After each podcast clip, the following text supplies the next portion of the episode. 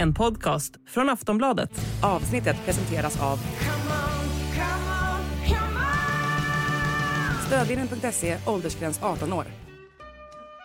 In the supermarket, you have eggs class 1, class 2, class 3. And some are more expensive than others, and some give you better omelets. That's the wrong information. Wrong, wrong, wrong information. I didn't say that. Det är måndag, det är Sillypodden, det är ny vecka och det är Makoto Asara som sitter här i ja, programledarstolen om man ska kalla det. Vi har givetvis jättemycket att gå igenom, även detta avsnitt. Med mig i studion, eh, Kasper Ljungström tillbaka, välkommen in. Tackar, tackar. Eh, vi, jag tycker vi börjar och går rakt på sak och eh, tar upp det som alla vill höra om här och nu efter eh, händelseförloppet i helgen och det just nu pågående händelseförloppet. Viktig disclaimer att slänga in. Det här kan ha kastats omkull när vi eh, lägger ut det här avsnittet och när ni lyssnar på det för att det här är en ongoing process. Idag är den 31 juli, det är den sista dagen av augusti. Vilket innebär att det finns vissa olika klausuler och så vidare som går ut eller aktiveras på olika sätt och vis. Och det kanske mest omskrivna av dessa klausuler är Osman Dembélés utköpsklausul i hans kontrakt i Barcelona. En utköpsklausul på 50 miljoner euro, varav 25 miljoner av dessa hamnar rakt i fickan hos Osman Dembélé. Eh, Paris Saint-Germain vill aktivera den här. Mm, det vill de. Och eh, man förstår ju att eh, Dembélé också ska vara liksom positivt inställd när han får de förutsättningarna. När han får halva liksom summan rakt ner i fickan. Då förstår man att han är, att han är sugen på att dra. Fast grejen är ju att Dembélé är absolut intresserad av att gå till PSG. Mm. Även om man trivs väldigt bra i Barcelona som man på något sätt har fått eh, ett lyft i sin karriär igen i efter att Xavi har gett honom förtroendet. Men det som har rapporterats från spanskt håll är att Dembélé själv egentligen skulle vilja se ett scenario där den här klausulen då inte aktiveras. Vilket innebär att då för efter, ja efter tolvslaget i natt då Mm. så kommer Osman Dembélés klausul istället ligga på det dubbla. Mm. 100 miljoner euro varav samtliga av dem tillfaller Barcelona. Eh, men att Dembélé då hoppas att man ska kunna istället sätta sig vid förhandlingsbordet och att Barcelona ändå får en vettig slant för övergången. Eh, och som någon sorts tack för eh, visat förtroende, om man ska kalla det. Mm. Eh, det är ju bilden de har i eh, spanska medier. Sen har ju Osman Dembélé en agent vid namn Moussa Sissoko som inte har den inställningen till saker och ting. Han ska ha kontaktat, det här är det senaste då, i inspelande stund vid lunchtid måndag, att han ska ha kontaktat La Liga, kontakta Barcelona och eh, ja, tydligt visat sin intention och tänker göra alla steg möjliga för att aktivera klausulen. Mm. Och då ska vi komma ihåg att det här är ju exakt samma form av klausul som den som Thomas Partey flyttade till Arsenal på om ni minns den deadline day-övergången. Nej, Alltså, det, det är cash i liksom koffertar som ska tas med till La Ligas huvudkontor för att aktivera klausulen. Eller en banköverföring eller vad det nu är för någonting. Men det är pengar ska in och betalas till La Liga för att aktivera klausulen on the spot, fysiskt, på deras kontor. Och det här måste då, alla de här olika detaljerna, allt måste bli klart innan 23.59 i natt. Mm. Det är, nu är det silly på riktigt. Nu, när det är tajta deadlines, det gillar man enormt mycket. Ja, framförallt är det en tight deadline en månad innan fönstret stänger. exakt. Det är som ovanligt, det är ovanligt. Så att just nu så är det, alltså det är bråttom, bråttom och eh, klockan klämtar för Osman Dembélé och hans entourage och den klämtar för PSG som ja, sent om sidor och bestämt sig för att nu aktiverar vi den här klausulen och kör. Mm. De ska vara intresserade av att värva honom även om de inte lyckas med det här nu. Då vill de förhandla med Barcelona. Mm. Barca å andra sidan har ju inställningen att om ni aktiverar klausulen, då är det krig, har de sagt. Då, då är vi öppet krig mot varandra på transfermarknaden. Också en intressant Hur tänker de att det är? Vad är det liksom, vad, vad menar de? De menar ju på att det är oärligt att utnyttja den här klausulen som skrevs i någon god tro mellan Dembélé Mm. och Barcelona när Barcelona gav Dembélé en chans att få Ja liksom, sätta Men- igång sin karriär igen. Ja precis, men jag menar vad, vad tänker de att de ska liksom göra? Nu är det jag, krig. vet, ja, jag vet inte heller vad Hur, liksom, var, när liksom, va? Ah, nej jag förstår inte riktigt heller vad, men det är ju fascinerande och det här öppnar, det här kan ju bli en dominoeffekt tror jag. Men Mm. alltså, att Dembélé ska till PSG, det tror jag nog mer eller mindre är bekräftat. Han är muntligt överens med dem, Precis. de ska, alltså han, har bestämt sig för att gå dit. Mm. Eh, Barca ville ju förlänga kontraktet med honom, Mm. men då ska de ju ha krävt extremt mycket mer lön än vad som har varit fallet i tidigare förhandlingar. Precis. Av anledningen att PSG erbjuder en väldigt saftig eh, Mm. summa i lön också, Barca är inte redo att acceptera närheten av dem, Nej. Alltså villkoren. Så, ja, det, just nu är det i alla fall så att PSG försöker aktivera den här för att då få Dembélé. Problemet för Barcelona är utifrån vart de ligger med lönetak och så vidare. Av de här 50 miljoner euro, 25 hamnar hos Dembélé som sagt. Det enda de kan liksom tillgodose för att räkna in nya värvningar utifrån eh, La Ligas löneregler är 10 miljoner av dem. Mm. Eh, och att hitta en spelare med de egenskaperna Ja det är, det är tufft. Det är oerhört tufft. Eh, men sen liksom, ja. Att han, att han kommer landa i PSG det kan ju alla vara liksom överens om just nu känns det som. Och eh, jag tycker ändå det är hedersvärt att han, att han försöker så förhandla sig till så att Barca ändå ska få en liksom fair deal utav det här. Det tycker jag är hedersamt av, eh, av Dembélé själv. Fast, fast samtidigt så representeras Dembélé av hans agent Precis, agenten, agenten är liksom, han är en agent, han kan man säga liksom, ja man kan säga vad man vill om agenten men spelaren själv, att spelaren själv liksom värnar om klubben Det, det tycker jag är, är eh, jag tycker det är hedersamt och eh, ja Att han, att han väljer att lämna det är väl, eh, ja, rimligt också. Alltså, jag vill ju tro att det finns en väldigt liksom hedersam, sympatisk karaktär att hos man Dembélé själv är, man har haft väldigt dålig rådgivning under väldigt många år. Det är känslan jag får. Ja verkligen, verkligen. Eh, verkligen den känslan jag får. Nu ska han i alla fall tackat ja till PSG, det är väl, eh, och det kan man väl tycka man vill om, absolut. Han kommer väl in som någon sorts ersättare till Kylian Mbappé. Eh, det som också ska ha triggat att man då går, gör den här flytten är att ja, Dembélé och hans representanter sett honom som en spelbricka snarare än högst värderad eh, tillgång. I och med att det, det ska tydligen ha varit så att de har fått nys om att det här bytesbudet som Barca presenterade för PSG när de plötsligt var intresserade av Kylian Mbappé ska ha Ja. bestått av Dembélé plus Gavi. Mm. Vilket då innebär att Dembélé känner sig utbytbar och inte liksom värderad. De ska ha haft något krismöten för att försöka övertala dem att jo visst är du en viktig medlem av den här truppen men att det liksom inte går att rädda just nu. Nej. Och om man ska liksom ta, ställa Dembélé mot Mbappé så måste han, måste väl Osman själv ändå förstå att ah, här kanske jag får vika in, så värdefull är jag inte. Jo, men som sagt, det är eh, att bli behandlad som bytesfoder är ingenting som en stjärnfotbollsspelare vill och framförallt inte en spelare som är så viktig för sin klubb som Absolut, men bytesfoder är. mot Kylian Mbappé kan man ju köpa ändå. Jo, jag vet, jag vet. Eh, Ja men det är, alltså om man ser på det ur ett liksom sportsligt perspektiv så är det ju en ganska bra lösning för, eh, för, ja men för PSG. Det är ju, det är, de Ja, får ju ja, in ja. en väldigt, väldigt bra liksom fotbollsspelare. Eh, han är bara 26 år, eller bara bara, Mm. det känns faktiskt som att han är mycket yngre än så. Men eh, det är ju en otroligt kompetent fotbollsspelare och eh, har han sin dag och får liksom hålla sig skadefri då då kan det nog bli eh, precis så bra som man tror att det kan bli. men det är frågan, kan han vara skadefri? Precis, det är det. det, är Eh. Och det, det är ju det att om en övergång skulle ske efter, alltså månadsskiftet, Mm. nu efter midnatt, då är det ju plötsligt ganska rimligt för Barcelona. För då får de in pengar för en spelare som har varit skadedrabbad. Vi ska komma ihåg, de har Rafinha på den positionen Mm. att tillgå. Nu är det ju ingen i Barcas trupp idag som är så skicklig en mot en som Nej. Dembélé, men det man gör oavsett är att frigöra utrymme för att man ska pusha för för vissa andra spelare man vill ha. Joao Cancelo till exempel är de väldigt intresserade av att värva. Mm. Eh, Bernardo Silva pratas det ju mycket om också, att han ska vara den de vill ersätta med. Men då gäller det ju att de inte aktiverar klausulen, för då har de inte så mycket spelrum att jobba med. Och då är det Nej. massa andra namn på den listan. Precis, och då är det fullt krig också, det får vi inte glömma Ja precis, givetvis det också. Så att det, nej, det- jag vet inte riktigt vad det här ska landa i. Men det är en otroligt intressant situation att följa här under eh, denna måndag. Utan tvekan. mm, så. Eh, och så här, Barcelona är ju på läger i USA. Mm.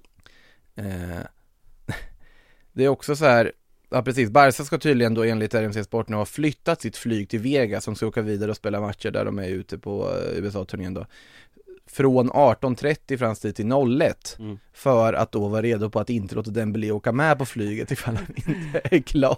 ifall Ja, han är det är, det, är Det rörigt, rörigt just nu. ja, Och, verkligen och man lider lite med Barcelona som jag faktiskt tycker har skött sig lugnt, sansat, eh, Och rimligt och smart under det här fönstret Ja, verkligen, verkligen eh, förstått sina begränsningar. Eh, liksom, värvningar de har gjort, det funnits en tanke bakom. Mm. Ja, det är Vingo Martinez man kan ifrågasätta lite, men ja, de ville ha den typen av mittback och Xavi Ja. pekade på det. Ja. Oriol Romeo var det många som höjde på ögonbrynen, men det räckte med att se vad han gjorde i klassikot där senare för att förstå att det där Ja, kommer en faktiskt, ganska nyttig spelare för dem. Ja, Eh, det är ingen Sergio Busquets, men det är fortfarande en väldigt kompetent fotbollsspelare som passar i idén och sin Och roll. Gündogan ska vi ju inte ens prata om liksom. Det är ju en toppklassvärvning så är det ju. Ja, ja, så är det. Så att, eh, nej men och nu kommer ju det här få effekten att Barcelona kommer att eh, gå tillbaka till gamla vanor höll jag på att säga och att det här kan bli väldigt rörig Mm. augusti månad som väntar på transfermarknaden. Mm. Eh, så är det. Ja, det är stökigt. Mm. Say hello to a new era of mental health care.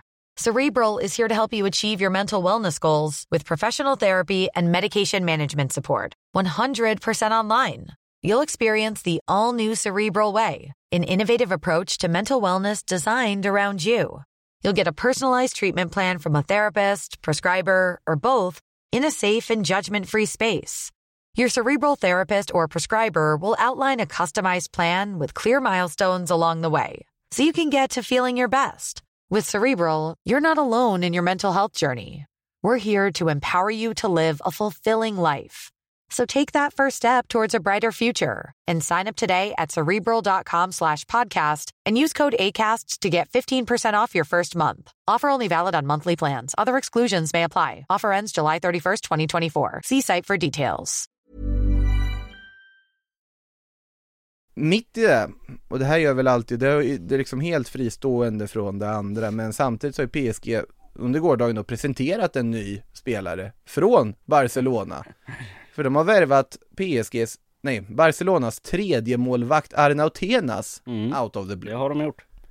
Eh, en målvakt som, ja, jag vet absolut ingenting om honom liksom. eh, men det känns som den där hållhaken för liksom fullt eh, krig som Barcelona skulle ha på PSG. Den blir inte större direkt när de håller på och säljer spelare och, och liksom PSG har möjlighet att aktivera klausuler höger och vänster och jag vet inte riktigt vilken hållhake de tänker att de ska ha på PSG i framtiden men ja. Viktigt att poängtera dock att eh, det är i samband med ett kontraktslut. Mm. Så att, eh, och han, de vill inte behålla Arnautenas. Nej okej. Och, men, men Lu- Luis Enrique tycker om honom. Så, nej, men han kan nog tillföra någonting till den här truppen ändå och plocka honom på fri transfer. Och det, när man konstaterar att Luis Enrique, han har ju sin egen lilla verksamhet på alla sätt och vis. Han, är han, han gör precis vad han vill. Han, är han får sina idéer och så plockar han in någon. Och nu har Arnautena ska in där och peta Donnarumma på sikt. Nej, jag vet, det är som sagt Barca fostrad, ung, lovande målvakt, 22 år gammal. Vi får väl se hur stor roll han kommer ha i Paris Saint-Germain. Men han är presenterad och klar med video och allt. Precis, så är det. Är Och sen vet vi inte, Keylor Navas, han ska väl eventuellt någonstans eh, Ja, Sergio Rico får vi väl se hur det är med honom Efter ja, där som är det han ju helt eh, genomgick. andra saker än fotbollsrelaterade Precis, som så man är det tänker ju. på Så såklart. att, eh, ja det, det kan ju komma eh, det- och bli liksom Att han får vara PSGs nya andra målvakt i alla fall, det vet vi inte Jag förstår inte varför Arnautenas själv skulle skriva på om han skulle vara ett tredje val. Nej, det svårt att se Ja, nej han är i alla fall presenterad av PSG, Osman Dembélé, jag måste väl då presenteras här inom väldigt kort om de ska aktivera klausuler, annars så kommer vi ha långa utdragna förhandlingar tror jag. Eh, Barca säger att de inte vill förhandla ens ifall. Nej, Alltså. det, Och då, ja, vi får se om de hinner. Eh, något annat som eh, då aktiveras eller eh, inaktiveras vid tolvslaget är en klausul i Kylian Mbappés kontrakt med PSG. Eh, om, vi, om vi fortsätter på det franska anfallsspåret och PSG-kretsar. För det är väl 40 miljoner euro som han kommer att få pling in på kontot Mm. där vid tolvslaget för det är första delen av hans stora feta lojalitetsbonus i hans Mm. PSG-kontrakt som kickar in. Och den tror ju många är startskottet för alltså Real Madrid att börja agera. ja det lär ju vara, det lär ju vara så Eh, Ja, det, det är väl Att det inte blev någonting med Al Hilal det är väl ganska glädjande i stunden eh, Åtminstone för mig. Sen får man ju tycka vad man vill om hela Saudi-verksamheten var aktuellt. Nej precis. Eh, Men ja, att det inte blev något var i alla fall glädjande och att det här, det här Nu kommer det intensifieras enormt mycket känsla Ja för alla klubbar, alla toppklubbar i världen har i princip hört av sig till PSG. mm. Det kommer lite lösa uppgifter om att Liverpool ska vara intresserade av att låna in honom ett Ja. år för att sen låta honom gå till Real Madrid. Det finns uppgifter om att Chelsea har hört av sig. Eh, Tottenham har vi ju haft tidigare på, på tapeten också, Barca som sagt med sitt bytesidé som väl kraschar nu. Eh, Men att han är helt 100% inställd på Real Madrid. Ja. Det, det finns ju inget annat. Att han skulle landa i Premier League, det skulle vara Alltså århundradets chock, det, det händer liksom, det, det finns inte på kartan just nu utan det är bara Real Madrid som är aktuellt och Och eh, ja Chelsea och Liverpool kan höra sig för hur mycket de vill men det, det kommer inte landa där så det är den bittra sanningen Den eh, franska journalisten Julien Laurens, eh, ESPNs eh, ofta insatta eh, fotbollsjournalist eh, gick väl ut och konstaterade att det är 100% säkert att Mbappé hamnar i Madrid den här sommaren. mm. Eh, men det intressanta är ju som att Real Madrid har inte gjort någonting. Nej De sitter ju bara och väntar fortfarande. Alla saker de säger utåt är vi är jättenöjda med våra offensiva alternativ, de håller på att experimentera med diamanter på mittfälten, spelar Jude Bellingham som falsk nia. Jag tycker väl att eh, El Clasico-matchen visade kanske, även om Jude Bellingham är en fantastisk fotbollsspelare, Mm. eh, hans egenskaper kommer inte till sin rätt som falsk nia när han ska dundra in och försöka nicka in inlägg varannan gång. Nej precis och det är väl inte därför de har värvat Jude Bellingham för de pengar som de har gjort heller utan det är ju Alltså Han ska ju vara på mittfältet och, och mer än så är det inte utan eh, Kylian Mbappé ska in. Om eh, den där franska journalisten gav honom 100% så skulle väl jag här sitta och Sitta och killgissa mig till att 75% 75 där, där tror jag vi kan mötas någonstans som, som är liksom det är, det är fullt rimligt för mig liksom Ja, PSG sitter ju tydligen och väntar på ett skambud. Ja, Och Real Madrid väntar väl också för att se när de kan lägga ett skambud och Mm. faktiskt få Mm. igenom en mindre prislapp. Och då måste PSG ta ställning. Antingen säljer de för en prislapp de inte alls är nöjda med. Eller så sätter de honom på läktaren en hel säsong, Mm. vilket också är ett alternativ som de överväger. Problemet då är att från första september om han är kvar och sitter på läktaren, då kommer spelarfacket gå in. jo Och då, och då blir det en annan historia. Så att är det, på tal om rörigt så är det ju där där också, men Real Madrid verkar, vi får se om Florentino Perez håller på med någon sån här Mm. briljant eh, historia som han har gjort förr. mm. Att han vet vad han gör och spelar sina kort rätt. Eh, på tal om kort så la ju Kylian Mbappé ut lite bilder från någon form av eh, semester i Monaco här. Mm. Eh, nyligen där han också satt och spelade kort på någon av bilderna, eller det låg i alla fall en kortlek framme och så var det tre kort som syntes. Tre nior. Och det har man absolut dragit massa slutsatser från för att det är nummer nio som är vakant i Real Madrid. Det här är den tredje raka sommaren som det faktiskt är genuint, alltså på tal och på tapeten om att Kylian Mbappé ska till Real Madrid. Eh, givetvis så var också kortleken på så vis att det var diamantformat på liksom tecknen som var på kortet. Och det är ju diamant som Real Madrid har börjat spela. Och han var också i Monte Carlo. Carlo. Carlo Ancelotti. Ja, du hör själv. Ja, det är Eh, fint, det, det, det är precis det här som Silly ska vara liksom Kryptiska meddelanden på Instagram, man gillar det Ja men han måste, alltså när han lägger ut triss i nior Ja, det, det, det, det kan inte vara annat än någon, han måste ju fatta själv. Det kan inte vara att när han han- just fick triss i nior. precis, framförallt också när han bara sitter och spelar kort en vanlig dag att han väljer att liksom ah, det här ska nog ut på Instagram Jag noterade också att det låg en Uno-lek längst bak i Ja. bilden också, det, det, piggade upp tyckte jag. Han känns inte så Uno-kompatibel annars, killen Mbappé Värt att påminna om det gamla klippet, jag vet inte om det går att hitta något mer, men när Lionel Messi spelar Uno med sina barn. Ett av de roligare klippen man har sett på så här fotbollsspelare i vardagen, för Messi ja, kör över stackars barnen i Uno. Han, han, sänker Matteo fullkomligt. Ja, Eh, Plus fyror hit och dit och vänder och är skoningslös i Uno. Jag kan rekommendera det klippet om ni hittar det. Jag bara funderar på när vi liksom pratar om den här Mbappé och Real Madrid historien liksom Mm. vecka ut vecka in Är det det rörigaste vi har sett? För nu är det liksom, nu är det på nivå där eventuellt spelarfack ska in, eventuellt liksom Men det var ju med Dembélé också. Ja, jo Men jag menar det här är så utdraget och det här är så många liksom faktorer som spelar in jag, jag har nog aldrig sett någonting som är rörigare Vad har man på uppstuds? Man har nästan ingenting Alltså Mbappé, följetongen som helhet Ja, är absolut uppe i toppen. Och det handlar också om att det är en av världens absolut Exakt, exakt. mest attra- attraktiva fotbollsspelare. Eh, som på något sätt också har genomgått någon form av eh, otäck personlighetsförändring mitt i det här, när Mm. han liksom stirrar sig blind på pengarna. Vi har liksom franska politiker, Macron har varit inne och sagt sitt i det ja här. men exakt Och, de, och den, den nivån, och vi har eh, olika diverse sportswashing-projekt som har sitt att säga till om. Ja. Det är liksom möten med, är det är extremt Ja, rörigt. det, den ligger där uppe högst upp på listan för mig i alla fall. Det, det här är bland det rörigaste jag har sett. Eller Och- det är det rörigaste jag sett. Och sen är det ju för, som sagt, för Real Madrids del så, ja, de har ju haft motgångar på vägen här. Mm. Eh, framförallt då förra sommaren. Och där har ju också Mbappé har ju pushat Real Madrid-supporterskarans tålamod till det yttersta. För Mbappé är ju i ett läge där, jag har sagt det förut i den formuleringen också, att han, han står på två strikes, står bara och faular bort boll efter boll efter boll. Snart kommer den tredje striken och det skulle ju vara om man typ väljer att, äh men jag förlänger eller aktiverar Mm. optionsåret då. Exakt. Då ska det ju vara för Real Madrid och bara nej tack, du har bränt alla dina chanser nu, you're out. Mm. Eh, jag skulle säga att första striken var när han valde att gå till PSG istället för eh, Real Madrid från Monaco. Mm. Andra striken när han eh, bara liksom ignorerar sin deal med Madrid på förhand för ett år sedan och skriver på nytt med PSG. Det är där han är nu. Mm. Och sen har han stått och bara favlat bort bollar efter det. Eh, nu, om, om det ska, jag har sagt det här också typ i fyra år. Om det ska bli av nu så, det är nu det ska hända. Mm, det är den ja. här sommaren det ska hända. Ja. Ja absolut, det kan hända nästa sommar också. På fri transfer. Det ska vi inte utesluta. Nej vi ska väl inte utesluta det men, men chansen blir ju mycket, mycket mindre desto längre den här sommaren pågår är känslan. Nej, jag tror den snarare blir större ju längre han inte har någonting annat säkrat. För att ju längre det går, desto mer kommer PSG vara desperata på att de måste casha in på honom. Mm. Och desto större chanser att Real Madrid faktiskt ser möjligheten. Och det är också ju fler matcher de spelar där de liksom känns ja, uddlösa centralt om vi säger så, offensivt. Att det finns någonting som saknas i offensiven i Real Madrid. Ju fler försäsongsmatcher och kanske till och med ligamatcher där de spelar Mm. så kommer ju behovet av Mbappé nu att framstå större. Mm.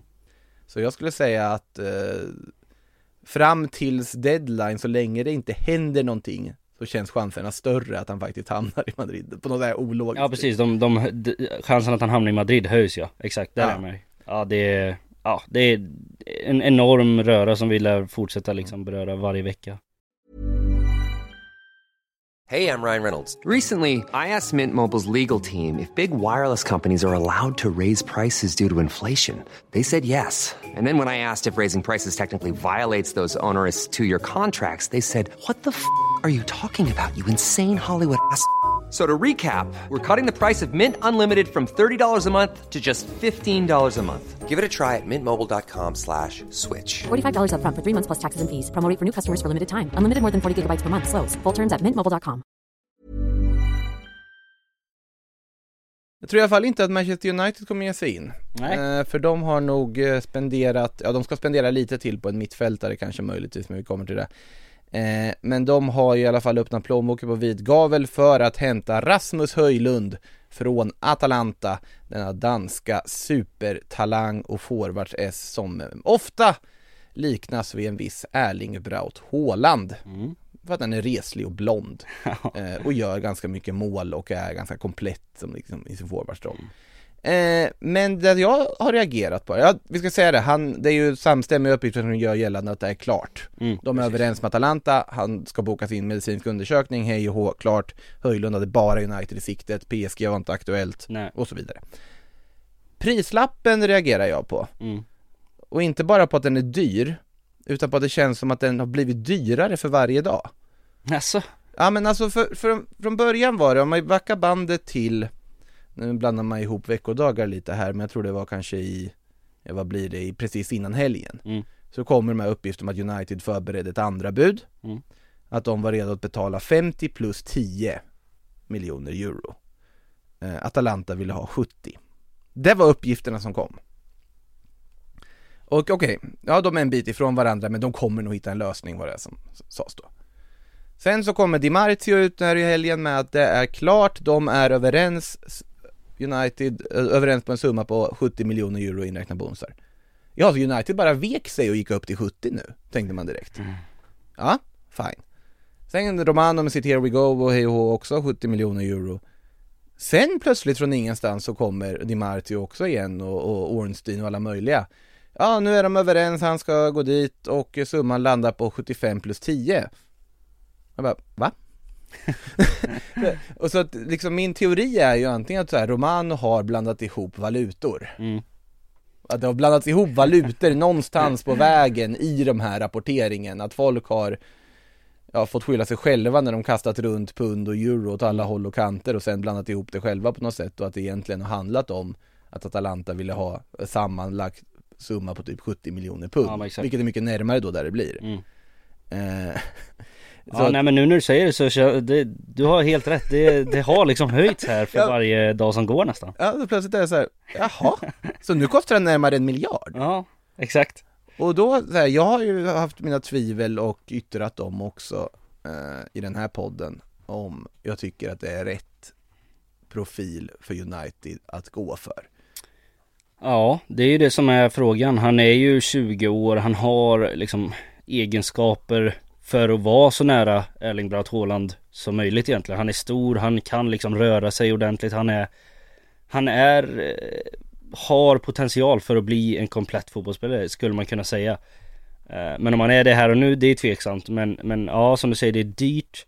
Och eh, framförallt så tycker jag att det snarare väcker eller ja, det väcker väl ungefär lika många frågetecken som det liksom reder ut. För jag, alltså visst att Rasmus Höjlund då kommer kliva in på, på anfallet. Det betyder att Rashford kommer petas ut till vänster. Där han ju är bäst tycker jag. Ja, precis, precis. Eh, Men jag menar, hur mycket har United spenderat på yttrar de senaste åren? Alltså, någon gång ska väl Jadon Sancho få sin, få sin tid. Liksom Anthony, visst, han spelar på höger istället. Eh, men Garnacho ska in där. Alltså det, det är redan oerhört trångt där. Jag, alltså för mig så hade United kunnat klara sig med att spela Marcus Rashford högst upp. För att han visar att han håller den nivån. Han är oerhört bra. Eh, men ja, det, det uppstår nya frågetecken för mig med den här värvningen. Det, det är oerhört dyra pengar på en orutinerad spelare som ska peta undan spelare som man redan liksom har lagt så mycket pengar på. Det, ja, det är svårt. Jag har svårt att se det här. Jag förstår tanken, sen håller jag ju inte med Mm. på att Alltså de ska, alltså de behövde en central forward, det tyckte jag är helt uppenbart. Jag tycker att Rashford ska vara till vänster och jag ser ändå att du kan gå runt på Som sagt, vi vet inte hur status är på Jadon Sancho Nej. Garnacho kommer inte, ska inte vara en spelare än som spelar inte varje det. match Nej jag tycker Inte inte varje match, men han inte, ska ju- Inte än Han ska absolut ha 15 matcher. Så pass mycket Han kommer få förra. minst 15 matcher, helt övertygad om Ja, Det är en lång säsong, du ska spela Champions League, du ska spela kupper, det kommer vara otroligt mycket matcher som ska spelas under Mm. korta perioder Och för en lag som har de ambitionerna som Manchester United har Att gå runt på Rashford, Anthony, eh, Garnacho, Jadon Sancho Kanske till och med Pelistri då om han blir kvar Mm. Det tycker jag är rimligt ja visst. Sen har du ju Amad Diallo där också som gjorde en jättebra säsong i Sunderland. Som väl också ska på något sätt in i, i liksom smeten. Sen, sen så här, Sancho kan du använda längre ner i banan om du vill tänker jag spontant Du kan i vissa matcher säga att Höjlund inte kan spela, då kan du slänga in Rashford centralt Jag tror inte Martial ingår kanske lika mycket i planerna någon mer Nej. Sen kanske han blir kvar i truppen ändå som ett backup-alternativ Mm. Men jag tycker att en bred trupp över och en centerforward var det som de absolut mest behövde Ja. Det jag snarare reagerar på är just är Det är en extremt stor press på 20-årige Rasmus Höjlunds axlar Det nu brukar ju bli det när man värvas liksom till Manchester United framförallt. Det är ju inte de mest tacksamma liksom fansen uti, alltså utifrån liksom tålamodet. Utan eh, de, han har inte så många matcher på sig här och, och leverera och han är bara 20 år så att Och vi ska komma ihåg, det här är alltså en spelare som 2022 gjorde 9 mål på 18 matcher i Sturmgras i österrikiska ligan. mm, Han har haft en säsong i Atalanta, absolut, han gjorde 9 mål på 32 matcher under den säsongen. Han hade mycket ups and downs överlag under den säsongen. Jag vet att jag tidigt sagt också att jag tycker han skulle mått bra av ett år till i Mm. Atalanta. ja. Och verkligen, alltså få en, alltså sån här rund 20 målsäsong. Mm, och visa att han verkligen är the real deal på så vis. precis. Sen all, allting som rapporteras, han, vi ska komma, han gick ju i Köpenhamn där och gjorde inte alls så mycket mål när han spelade, fick sina A-lagschanser. Man ska komma ihåg att det här var ju, hur gammal var han då? 18? Eller vad? Ja, absolut, och det är fortfarande att du har ju råpotentialen kan ju alla se finns. Ja, Och sättet han tagit sig an liksom A-landslagskostymen med sex mål på fyra kvalmatcher här i EM-kvalet är ju anmärkningsvärt bra. Och det är sensationellt eh, skickligt av honom. Sen absolut har varit mot så här Finland och Kazakstan och kastat in mål. Men det är en annan sak med Manchester United och Man- Manchester Uniteds ambitioner för dem att ta nästa steg. Så är frågan om Höjlund är den profilen idag. Ja precis. Men om de har lagt så här mycket pengar och tror så här mycket på honom som de uppenbarligen gör Då är det bara att eh, alla United-fans måste ha otroligt mycket tålamod här Precis, för 2023 så är väl kanske, du pratar oerhört mycket om, eller du pratar om ambitioner, att man ska ha liksom stora ambitioner och 2023 ska en 20-årig Rasmus Höjlund vara den som bär den här klubben av den här digniteten till nästa nivåer? Nej, kanske inte, men däremot så förstår man att pengarna har lagts för att det finns en sanslös potential och eh, så värvningen är ju klockren på alla sätt och vis, men det hade kanske behövts något mer där. Ja, sen är det som sagt, jag tycker inte att sett det han hittills har levererat godtar prislappen Mm. eh, Men jag är ju av inställningen att om han gör 10 mål nästa säsong Ja. Då är det en fullt godkänd första säsong Absolut, det, det håller jag med om. Och eh, det, det, är en- det är en fullt godkänd första säsong för honom personligen men då måste övriga i United leverera för att man kan inte ha en klubb som Manchester United där anfallen gör 10 mål.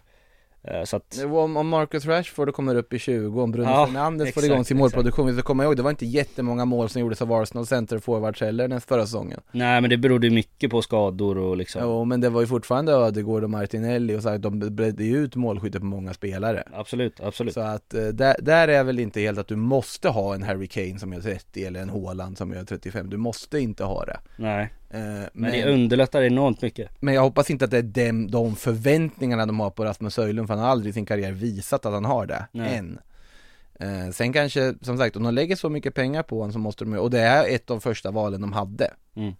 Och det talar ju för att eh, de vet vad de håller på med, för jag tycker Precis. att mycket de gör framstår som att de vet vad de håller på med nu för tiden Mm. Eh, blir väldigt spännande i alla fall och få se när han presenteras också för sin nya klubb, en klubb som han har hållit på sedan barnsben dessutom. Eh, vi ska vidare, nu fastnar vi ganska länge på de första pu- punkterna och eh, tiden rullar på, men vi ska ju konstatera att United också jagar Sofian Amrabat. Ska väl ha fått lite, på tal om också en sån här prislapp som bara har höjts, för nu har jag plötsligt sett uppgifter på så här, ja men eh, han kommer väl kosta runt 50 miljoner pund. Mm. Bara, Va? Han skulle kosta typ 30 miljoner euro när Barcelona var där och skulle peta. Ja, Så vad, det- vad hände Det här? kommer väl landa någonstans runt så 35. Det är väl känslan Finns. United-taxen på riktigt? Det, det finns en, Engl- en Premier League-tax när liksom andra, alltså absolut. Serie A-klubbar kommer att gästa, det finns det absolut. Men eh, ja, 35 tror jag vi landar i, alltså om det skulle bli av ska ju sägas. Alltså eh, det, det hade ju varit nyttigt för United för de verkar ju vilja släppa eh, McTominay här och Fred, ja vad det nu innebär. Men så att, så att värvningen är superrimlig men prislappen, ja det, jag tror den landar på 35. 35, ja vi får se. Det finns ju också så här Saudis intresse och det verkar ju ändå locka lite också för Mm. Amrabat vad som har rapporterats. Vi får se vad, vem som vinner den dragkampen. Mm. Och se också vad United, hur de tänker om ifall det inte blir Sofian Amrabat som det ändå pratat väldigt mycket om Exakt. tiden. Ja. Men det sagt, alltså United gör ju ett bra fönster. Ja, de de värvar faktiskt spelare som de har högt upp på sin önskelista. De Ja. ville ha Mount, de fick Mount. De ville ha Onana, de fick Onana. De ville ha Höjlund, de fick får Höjlund. Det blir ett dyrt fönster men eh, vissa klubbar har råd med det och då är det bara att liksom Ja, förstå att det är ett väldigt bra fönster. Eh, Chelsea har varit i farten också. Eh, den här kommer absolut från ingenstans. Eh, men eh, i och med då Wesley Fofana skada så har de gjort klart med en ersättare för de ska vara principiellt överens med Monaco om en värvning av Axel Disasi Mm. eh, som ju också kopplas till United tidigare ska sägas eh, för United har ju även ansett vilja ha en mittback till Mm. Eh, Disasi som då ska kosta runt eh, 45 miljoner euro, 25-årig fransk landslagsback som eh, gått från klarhet till klarhet i Monaco-tröjan. En värvning som är ganska lik den man gjorde av Badia Chill för eh, ja, ett halvår sedan. Ja. Det, eh, jag tycker det är en otroligt klok värvning för att det är precis det här de behöver. De, de har tre eventuella luckor att fylla på liksom Ja men luckor som behöver fyllas och det, det är mittbackspositionen. Den behöver de ha in förstärkning på. Där kan Disasi absolut spela, det är uppenbarligen där han är som bäst. Han kan spela högerback och Reece James har visat att han inte är Inte alltid håller. De har Malo Gusto där, absolut. Men det kan vara bra att förstärka den positionen också. Mittfältsrollen kan han också kliva upp i. Och eh, jag menar, Caicedo är inte klar än. Så att, eh, ja det, det, är en, det är en spelare som är mångfaciliterad och det är ett, en, en oerhört bra värvning eh, tycker jag på alla sätt och vis här. Ja alltså det är en väldigt bra spelare de får in. Mm. Det, det tycker Han är ju fransk landslagsman, det ska man kan, ju inte kan han spela på mittfältet? Det kan han göra. Han, var, han ryktades ju lite eh, Ja, till lite mindre klubbar i, i, i vintras. Och då, då dök det upp lite olika så spiders och highlights och sånt. Så att han kan absolut spela. Reslig karl också, en 90 lång. Mm. Eh, men en, väldigt kompetent fotbollsspelare och jag eh, Nej den känns ju väldigt smart för Sen är jag ju lite mer så här när Fofana är frisk då. Mm. ja, Thiago, Sil- ja, Thiago Silva kommer väl i och för sig typ ha slutat när Ja, Fofana är frisk. eh, Då har de Fofana, Badiashil, Disasi, Colwill ska vi räkna in i eh, ekvationen också Mm. Eh, Nej men jag tycker också att det här är en, en bra, smart lösning och det är en kompetent spelare de får in Mm, verkligen Eh, Så inget snack om den saken. De har en annan fransk spelare som verkar vara klar för dem också, Leslie Ugochukwu, mm. ung mittfältare, defensivt lagd sådan från Rennes.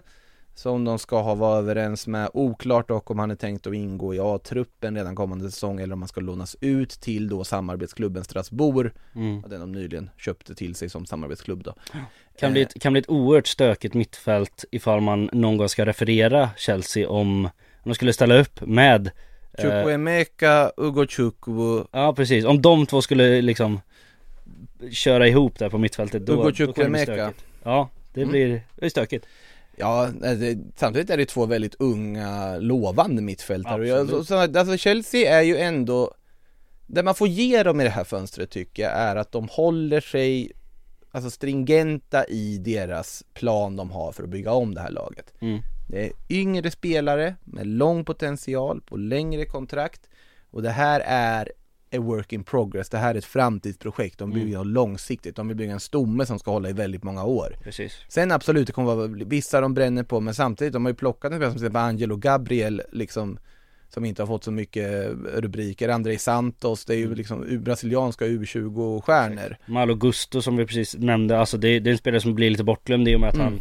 Han värvades i vintras då, Ja. men, men det är ju en, en spelare med otrolig potential Och de bygger ju ett lag med väldigt mycket potential och Ja. sen så absolut, det måste vara intressant att hålla på Strasbourg just nu, man har ingen Ja. aning om man kommer att ha för lag nästa Nej, säsong. exakt, exakt.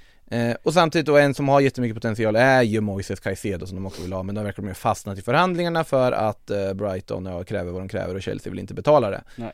Och då är det ju fascinerande att det ändå ryktas om att de faktiskt nu när de också letar målvakt har kontaktat Brighton för Robert Sanchez. Mm. Här, varför i hela friden när ni ska värva till målvakt kontaktar ni Brighton för då? Varför ska ni in där igen? Ja, Varför? Alltså, det, är, det är rörigt, det är, de där två klubbarna de, de, de, de, har sina olika affärer för sig liksom. Ja, de, men då hade det varit mycket rimligare då för Chelsea att eh, istället blicka till en annan del av London där en Mm. viss David Raya sitter. Eh, för här kommer vi till det kanske mest ologiska av allt som har dykt upp under en väldigt rörig sillig helg. Att Arsenal plötsligt dykt upp som förhandsfavoriter för att värva David Raya. Mm. Och det här är ju Det här är ju Ja, för alla som någon gång har spelat Fifa, en äkta karriärlägesvärvning. För då tittar Arsenal, då tittar Arteta och Edu lite så Vad kan vi göra med den här truppen? Ja men vi har Ja men två, tre spelare på varje position som är bra, vi behöver inte göra någonting. Truppen är ganska optimal. Men vi har liksom 40 miljoner kvar att bränna. Äh, vi slänger väl in en målvakt till. Vi har, vi har pengar att bränna. Klart att Raya ska in liksom. Det är, ja, det är, det är totalt ologiskt men eh, Fattar inte. vill de, vill de ha han så vill de ha.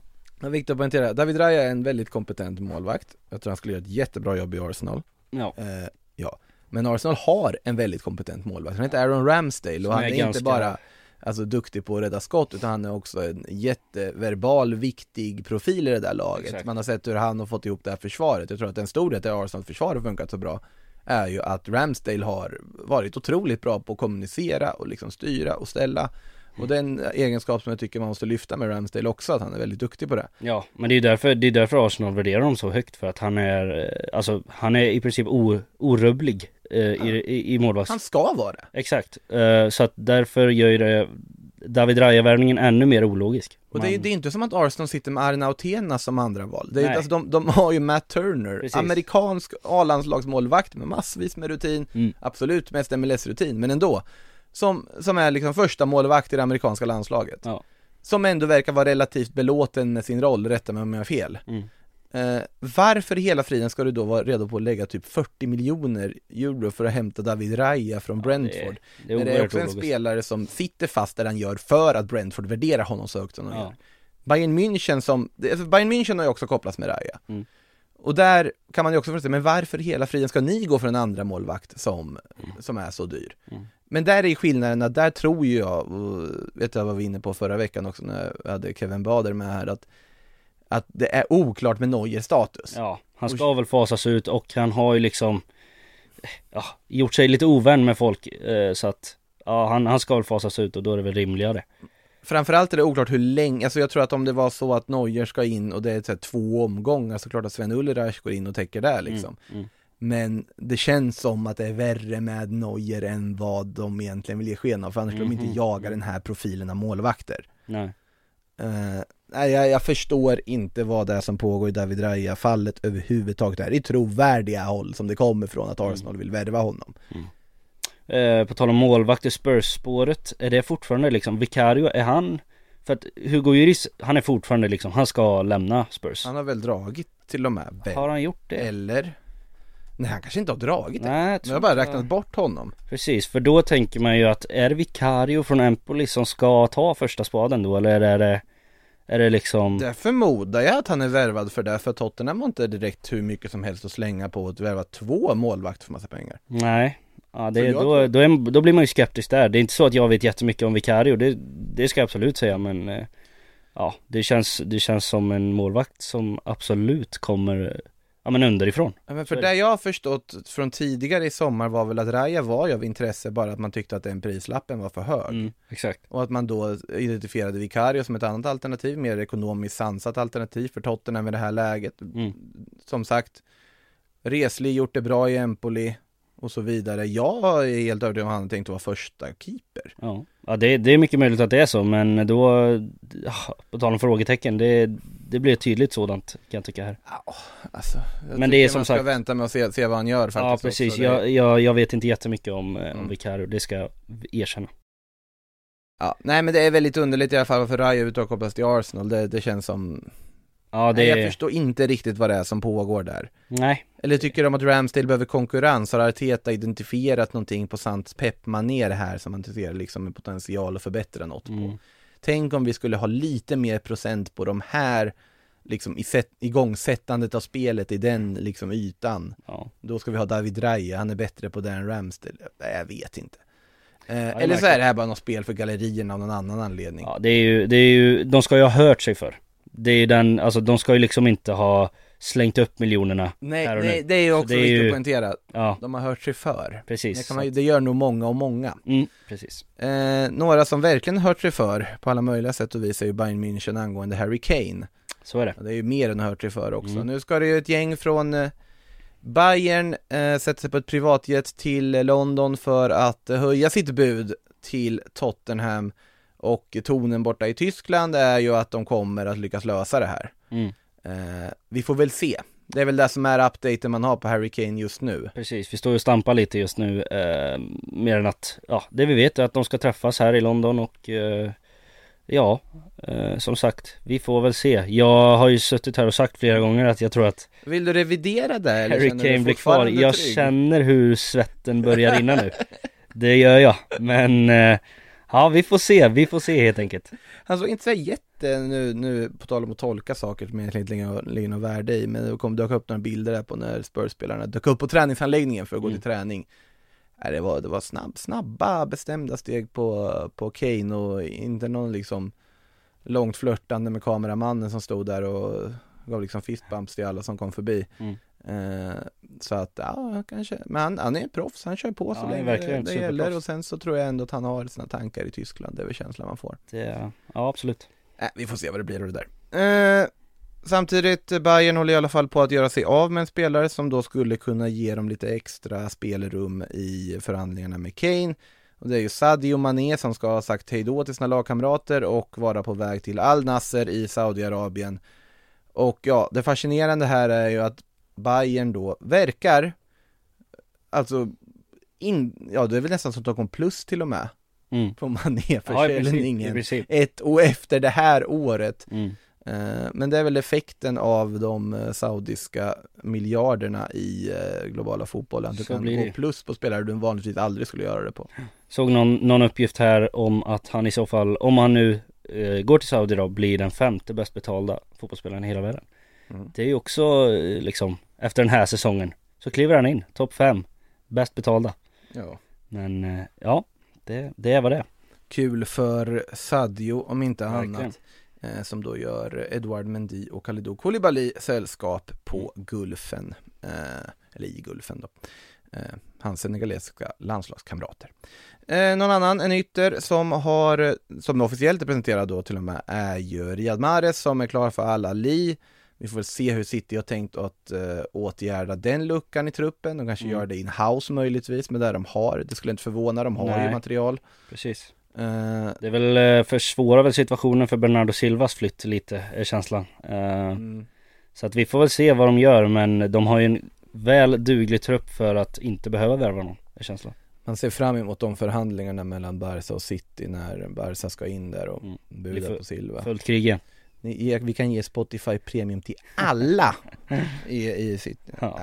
Nej, det, det kan bli vad som helst. Eh, på tal om yttrar också, någon annan som är officiellt presenterad är Samuel Chukwueze för AC Milan. Fantastisk värvning vill jag Mm. vidhålla.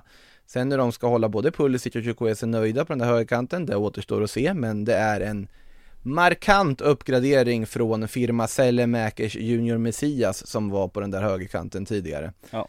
Eh, och sen får vi se, de kanske ska använda någon lite centralt i Brahim Diaz-rollen eller något, vem vet vad de har tänker koka ihop på uh, San Siro där. Milan gör fortsatt ett fantastiskt fönster. Eh, Kanske det bästa. Jag tror att de, i och med den här värvningen och med eh, Musa då som, Mm. som uppges vara klar eh, Så gör de väl kanske det bästa fönstret av alla klubbar här. Är Ja, ja, ja, alltså Mosa är ju också, som sagt, den är kanske inte den färdiga produkten än, men det han har gjort i Ja, både han visade i VM för USA, men framförallt kanske det han har gjort i Valencia Mm. på mittfältsrollen. Det är väldigt lovande.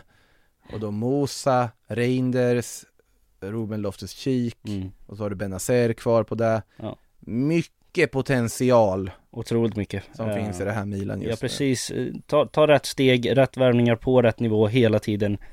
Eh, Nej så att Milan, Milan leder just nu uh, bäst fönster så här långt. Det är helt otroligt att de får Chukwueze för den slanten de får tycker jag. Ja Om det man är, jämför med vad eh, andra Alltså för om en Premier League-klubb kontaktade Ja, då är det- Då får de inte honom då är den på 70 summan. 70-80 miljoner att jobba liksom. Nej, det men det är ju det som är att eh, klubbar som Milan och inte, de, där de har är attraktionskraften Mm. Att en spelare hellre vill, ändå, jag tror fortfarande den finns Ja verkligen. en spelare hellre vill flytta till Milan än till typ, ja, Brentford Mm. eller något Ja, vi får se, Milan gör som sagt fortsatt ett väldigt fint fönster eh, vi ska väl gå in på lite frågor möjligtvis Kan du köra lyfta först? Det verkar väl som att Roma är på väg att göra en fin värvning också va? Ja, eh, det har väl pratats mer och mer om att Skamacka till slut då kanske lämnar West Ham och eh, ansluter till Roma då. Eh, de ska ha träffats här i helgen, jag har inte hört någonting nytt om det men de ska vara, eh, Skamacka ska vara överens med, med Roma. Eh, men problemet är väl West Hams lilla transferstrategi, de verkar ju inte vilja värva någon den här sommaren, eller vilja och vilja vill de säkert men David Moyes kommer inte riktigt överens med ledningen om vilka, vilka spelare som ska värvas. Och eh, de har ju fortfar- fortfarande inte ersatt Declan Rice på den positionen för de kan inte komma överens om vilken spelare som ska in. Um, och- Men Vilka står det med, alltså vem är det som vill ha vad då? Ward Ja, men- Prowse, vem är det som vill ha honom? Eh, eh, David Moyes vill ju ha liksom McTominay och, och James Ward-Prowse och liksom någon som är Premier League proven medans eh, Medans eh, Tim Steiten som hämtades in här som, som sportchef från Ja. Bayer Leverkusen Han vill ju ha mer spännande spelare som Yusuf Fofana från Monaco Till exempel har väl varit hans första gubbe eh, Alvarez från Ajax har det också ryktats väldigt mycket om Så att, och de, de, de flesta verkar väl vara på Tim Steitens eh, Ja, spår jag är nog där också bara på Ja. Så att den enda som sätter käppar i hjulet här Det är David, Moyes. det är David Moyes Som vill spela med uh, uh, Scottin Aldinho igen. Ja men exakt så Nej men så att, eh, att West Ham då Utöver liksom den här mittfältsjakten och eh, Ja, de har ju fler positioner de ska värva på liksom ytterback eh, De vill väl ha in en mittback till och en vänsterytter Att de då ska addera att de även behöver värva en anfallare nu. Det känns ganska otroligt eh, i, i nuläget. Så att Ja det här kan bli en riktig soppa för att Skamacka det, det blir mer och mer tydligt liksom att han Han vill spela i Roma och det förstår man. Så att Ja det blir en soppa, det blir en soppa. Ja för Roma så är det ju välbehövligt, de måste ju få in en central forward, de får in Skamacka, det varit perfekt Ja verkligen. för dem i det här läget. Han hör ju hemma i, i Italien liksom där och han, ja. han kan ju bli hur bra som helst där. Eh, vi får väl se, det blir väl ett lån då kan man ju tänka sig. Mm, jag tror inte väl kommer kunna köpa loss honom. Nej precis Eh, vi ska gå in på lite frågor innan vi rundar av eh, detta måndagsavsnitt och eh, fokusera på att följa allt som sker kring Osman Dembélé. Det är vad jag tänker göra idag i alla fall. Ja Eh, Edvin Welin med en intressant fråga. Vad tror vi om Gabri Veiga i det här fönstret? Stannar han eller går han till en storklubb? Det har blivit tyst om Gabri Veiga Ja. på sista tiden. Jag vet inte, det är väl han... Jag får känslan av att dock att det här är någon sån här tystnad innan någonting sker. Mm. Tystnad. Kan vara en sån klassisk Jag skulle inte förvåna mig om det plötsligt bara dyker upp att typ Liverpool gjort klart med honom. Ja, eller eventuellt Chelsea Eller någon liksom, alltså Chelsea har väl en Kunko som, ja, ska spela liksom offensivt där men eh, Ja, absolut, det, det känns som att en explosion ligger i luften här och eh, Någonting borde väl ändå ske med tanke på hur mycket Alltså rykten det är kring honom Ja, det, det är känslan Men, Men jag, jag, jag skulle säga att Liverpool är ganska mycket snack om Om man Mm. tar det senaste där. Och de behöver mittfältare så att Jo, Det finns ju en logik i det, absolut, absolut. Och eh, Liverpool eh, har väl inget emot att ringa Rafa Benitez För prata lite gamla minnen om inte annat. Eh, Kanske inte är direkt i Rafa de ringer för att värva Gabri Veiga Men likväl. Mm. eh, Vi ska se mer. Kommer Spurs värva ersättare till Harry Kane eller ska vi fokus på att värva till backlinjen? Eh, frågar Martin Gran och Siggo undrar också varför går det så sjukt långsamt för Spurs att köpa försvarare när det borde vara den största prioriteringen? mm. Det kan jag hålla med om, att Ja. eh, de borde lägga mer kraft på att lösa den där mittbacken nu. Precis, det var ju, det var ju alltså många veckor sedan nu som det rapporterades att, eh, att, Mi, heter han Micke? Micke van de Ven, Van de Ven ja Att han skulle vara så gott som klar för, för Tottenham Men det har ju verkar, verkar ha fastnat där Eh, I förhandlingarna. Och det är ju tydligt att, att eh, ja, mittback det är det de behöver nu Tottenham. Eh, Och det börjar bli, ja men semiakut. Det, det börjar bli kris. Eh, Så att ja det gäller att, de behöver accelerera där. Varför det går så långsamt det, det är mycket, mycket bra fråga Kan det vara att det har liksom låst sig på att de måste få igenom någon mer försäljning för de har fått tillbaka en del spelare från lån och så vidare också. mm. Nu verkar det som att Gilo Celso kanske är en spelare som, eh, alltså Ernst vill ge chansen Mm. kommande säsong och det tycker jag, är- det skulle jag gärna vilja se. För jag tror han har mer att hämta. Absolut Eh, Jag tror samma sak egentligen med en Dombele Jag tror att han också har nivåer i sig Eh, Jo, absolut, det, det har han ju, men jag skulle säga att om du ska sälja någon av dem, tror inte du kan behålla båda. Nej, Då hade jag ju säljt en. Dombele. Ja, Eh, sen är kanske han svårare att sälja än vad, eh, alltså Lo Celso är ganska, han kopplas ju bland annat till Barca som, jag vet Mm. inte vad Barca ska med honom till riktigt Nej. just nu. Eh, men Tapsoba är ju fortfarande snack om. absolut Tapsoba ligger ju och puttrar och den, men också så här, varför var, Tot, var Tottenham ens överhuvudtaget i förhandlingar om Disasi? Nej det, är- det, Jag har inte hört någonting om det men det är Nej. det, ja, det är, de behöver en mittback och det Att är de vill ha en vänsterfotad kanske? Ja, Det är väl det som, Disasi är ju mer högerorienterad. ja men precis Eh, alltså fotbollsmässigt då så att säga. Eh, men eh, ja, det, vi får se vad som händer där med, och sen ap apropå ersättare till Kane så jag tror ju att det är i Charlison. Ja, och han har ju visat här på försäsongen att han, han håller ju De vann ju en Absolut titel nyligen så jag. Ja, otroligt. Det är bara att gratulera. Eh, nej, men alltså Richarlison, det lades mycket pengar på honom och eh, han har visat här på försäsongen att han absolut håller för det jobbet så att Så att det är väl en, en, en bra lösning på det hela, kan jag tycka. Mm. Eh, nu ska vi se vad vi har. Fredrik Larsson säger antar att ni plockade upp Raja till Arsenal, ja det har vi gjort och dissekerat. Mm. Men skulle även vilja höra mer om Kvicha Kvaratskhelia. Mm. Ja för det har ju dykt upp något löst rykte här om att Arsenal faktiskt går för Kvicha Kvaratskhelia i det här fönstret. Ja, och det är ja, oerhört löst är känslan. Vad ska de med honom till? På tal om liksom Alltså han är ju briljant. Han är ju briljant men Martinelli och Saka är ju inte vrålångt bakom. Eh, det är de ju inte. Det skulle Nej, jag säga. vrål långt kanske. Nu, nu är ju liksom vrål en väldigt diffus eh, distans. Ja men alltså, det, Men, det är inte en position som de behöver spränga banken på. ja, det måste de göra om de ska ta Kvaradona, så är det Ja, precis. Så att, eh, ah, Jag tror inte att det kommer att bli något. Arteta plockar in honom som ersättare till Xhaka, vi har honom till mittfält. Ja, jag tror det. Ja, nej men eh, att de kan värva Kvaradona så- och det finns en möjlighet till det kan jag typ tycka att det ändå är värt det för att det är. Jo. Eh, men vi Alltså får visst, se. det är ju, det är ju, han, är ju, han är ju bättre än vad, vad Martinelli är. Det, Mm. det förstår jag också men det Martinelli är absolut tillräckligt bra för att hålla på den positionen. Ja. Det var alltså en fråga från Fredrik Larsson, nu en fråga från Fredrik Nilsson. Eh, för han, Disasi till Chelsea, ja det var ju avhandlat, snabbt gick det, och det kan jag också hålla med om. Sen är det ju mittfältet då, Kudos samt Olysee, en eller båda? Ja, svårt. En. Ja, det är väl en. jag. Det är väl en. Det... Vem hade man valt av Kudos eller Olysee? Det är en svårare fråga. Ja, det är ju en väldigt mycket svårare fråga. Eh, kanske att man hade valt Kudos i det här läget ändå alltså. Det, det är, för, det känns som att han, de måste ha in någon med liksom den typen av profil. Mer än vad de måste ha in en Olysee. Ja, alltså Kudos är en väldigt mångsidig eh, spelare men också ganska offensivt lagd i Mm. utgångsposition. Jämförelse kan man säga, Kudos är 22, Olysee är 21. Mm.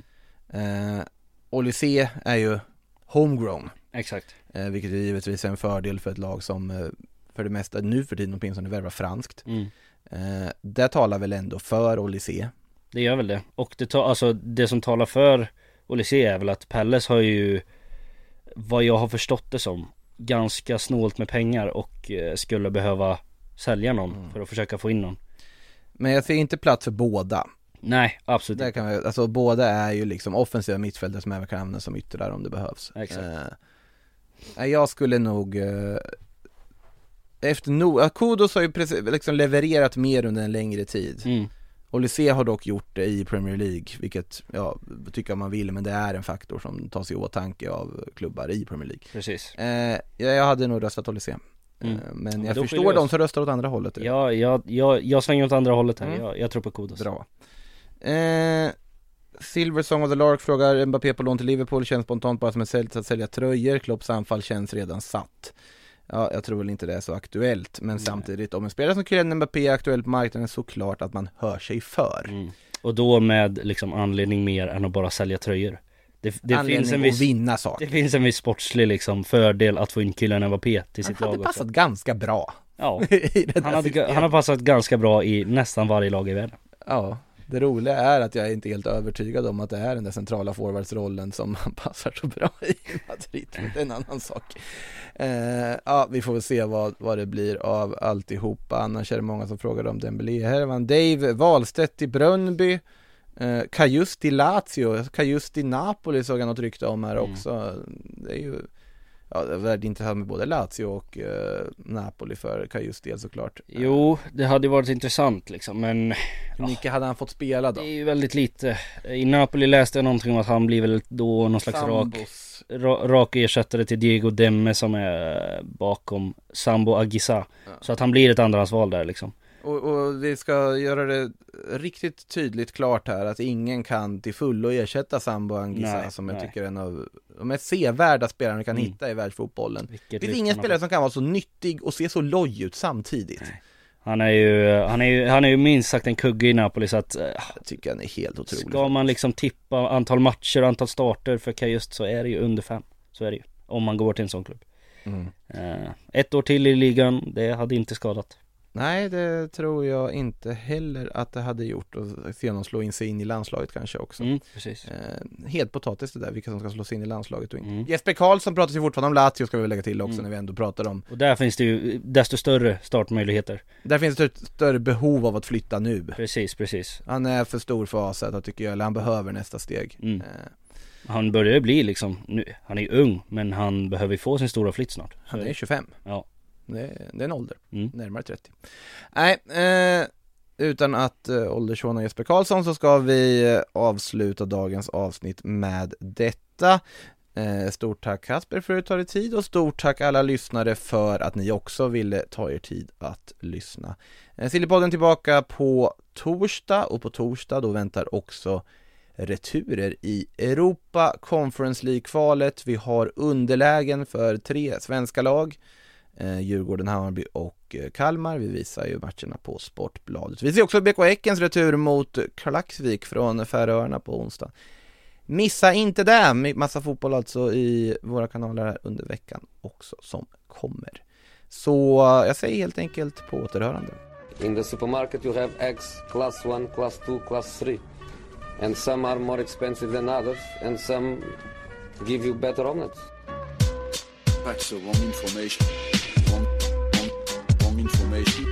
I didn't say that. Du har lyssnat på en podcast från Aftonbladet. Ansvarig utgivare är Lena K Samuelsson.